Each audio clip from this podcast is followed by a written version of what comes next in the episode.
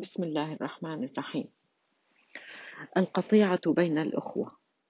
في الآونة الأخيرة بدأت ظاهرة اجتماعية في الظهور على السطح بشكل مقلق وهي تأزم العلاقات بين الإخوان والأخوات.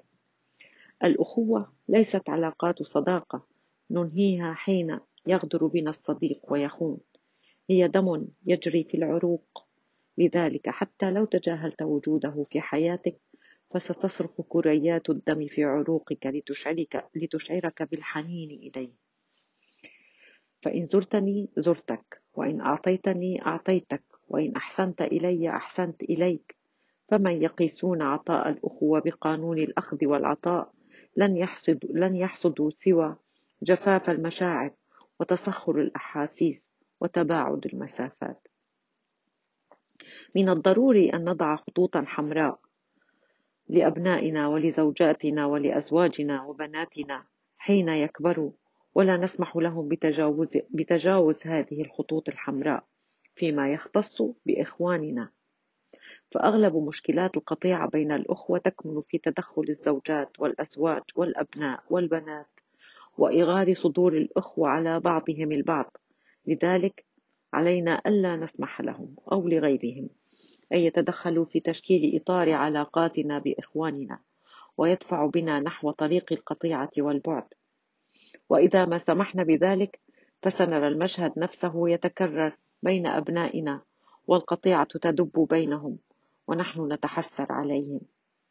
روعة الأخوة أن تشعر أختك أو أخاك بقيمتك في, حي... بقيمتك في حياتها باشتياقك له بأن أمره وهمومه ومشكلاته تعنيك بأن دموعه تنحدر من عينيك قبل عينيه أن تسنده قبل أن يسقط أو أن يسقط عفوا.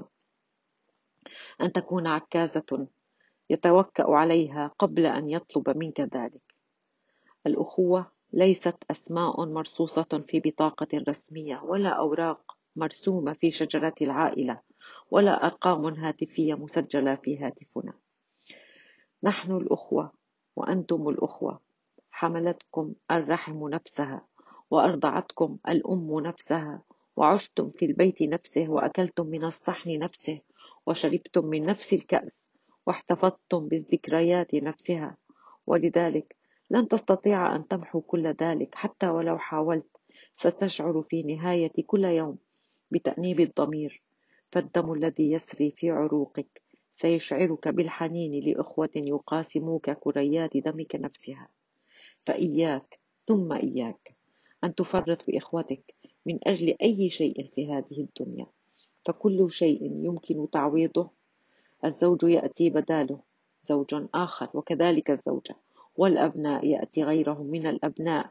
المال يأتي غيره من المال ولكن إخوتك إن ذهبوا فلن يأتي غيرهم. فأي دين غير إسلامنا يهتم بقوة الروابط بين الأخوة؟ فهنيئا لنا صلة الرحم وهنيئا لكل واصل رحم.